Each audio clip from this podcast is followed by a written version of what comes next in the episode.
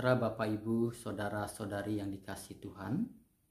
Semoga kita semua berada dalam kondisi yang baik dan sehat dalam perlindungan dan kasih Tuhan. Saudara-saudara yang dikasih Tuhan, pembacaan Alkitab hari ini diambil dari kitab Pengkhotbah pasalnya yang pertama. Saya akan membaca ayat 1 dan 2 Nanti Bapak Ibu bisa melanjutkan sampai seluruh ayat di pasal pertama ini. Dengarkanlah firman Tuhan. Inilah perkataan pengkhotbah anak Daud, raja di Yerusalem. Kesia-siaan belaka kata pengkhotbah. Kesia-siaan belaka. Segala sesuatu adalah sia-sia. Saudara, demikian pembacaan Alkitab. Berbahagialah setiap orang yang mendengar firman Tuhan dan yang memeliharanya dalam kehidupannya. Haleluya. Bapak, ibu, saudara-saudara yang dikasihi Tuhan, pernahkah saudara memikirkan kehidupan ini? Misalnya, saudara berpikir mengapa hidup ini berjalan seperti sekarang mau ke mana hidup ini tertuju dan bagaimanakah pada akhirnya nanti. Saudara-saudara kekasih Tuhan, pengkhotbah seorang raja di Yerusalem yang sering para penafsir menyebut sebagai Salomo, ia adalah seorang yang merenungkan kehidupan dengan mendalam di dalam merenungkan kehidupan ini, sang pengkhotbah mengamati segala sesuatu yang terjadi di bawah matahari.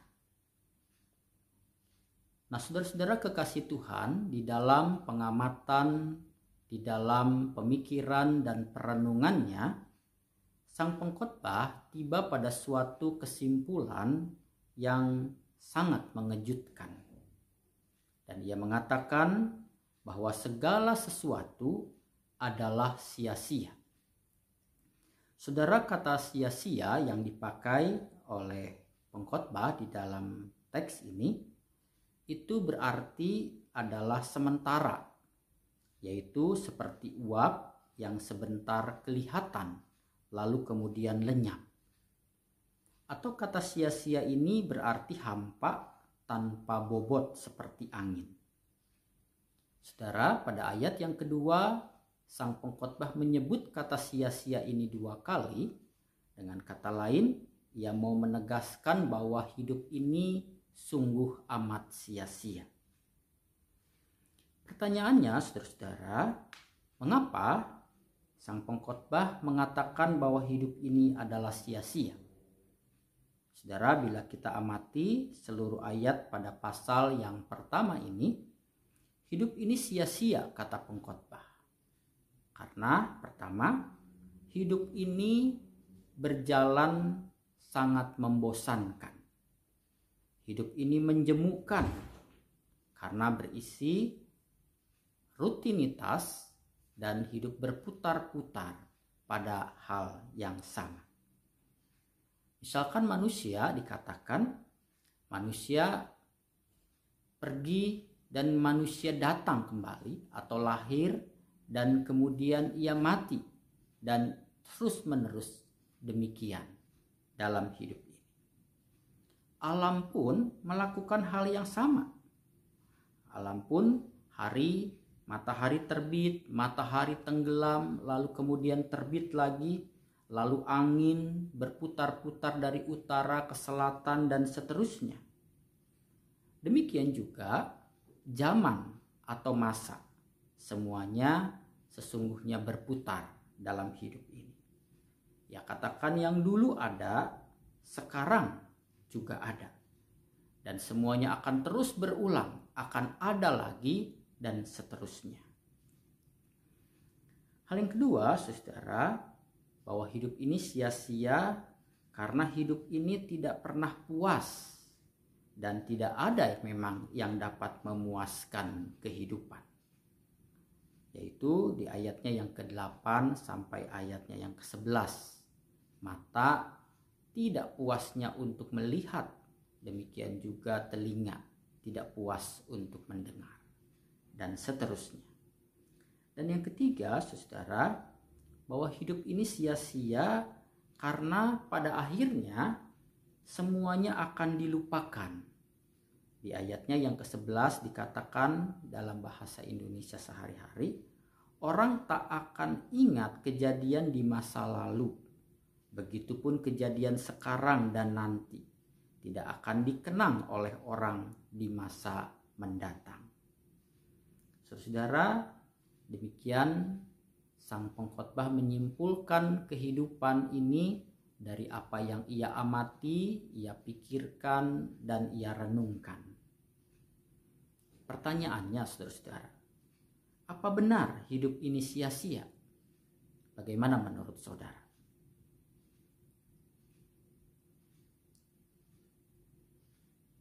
Kalau saudara amati, hidup ini memang berisi rutinitas.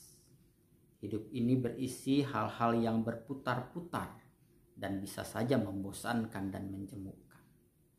Misalkan saja setiap hari kita pergi bekerja pagi-pagi lalu pulang malam hari esoknya begitu lagi demikian juga anak-anak yang bersekolah atau dalam masa pandemi ini kita mempunyai kebiasaan baru yaitu bekerja dari rumah mulanya itu hal yang baru tapi kemudian kita akan berputar-putar pada rutinitas kegiatan sehari-hari kalau kita amati mungkin hidup juga memang tidak pernah puas. Tidak ada yang sungguh-sungguh memuaskan dan membahagiakan hidup kita. Yang pada awalnya kita bisa berbahagia karena apa yang kita inginkan itu kita dapati, tetapi kemudian kepuasan itu menjadi berkurang dan kita mencari kepuasan yang lain. Dan demikian juga saudara, memang pada akhirnya kita akan dilupakan di dalam perjalanan kehidupan ini. Saudara-saudara kekasih Tuhan, bila hidup ini sia-sia, coba kita pikirkan, mengapa Allah mau menjadi manusia? Mau mati, disalibkan, bangkit, dan naik ke surga. Kalau hidup ini sia-sia, mengapa Allah sampai harus berkorban merendahkan diri sedemikian rupa.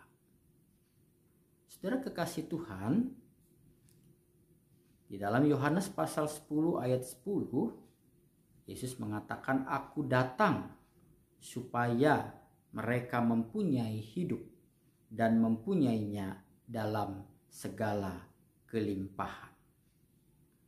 Saudara kekasih Tuhan, Yesus datang Allah menjadi manusia supaya manusia memiliki hidup dan hidup yang berkelimpahan.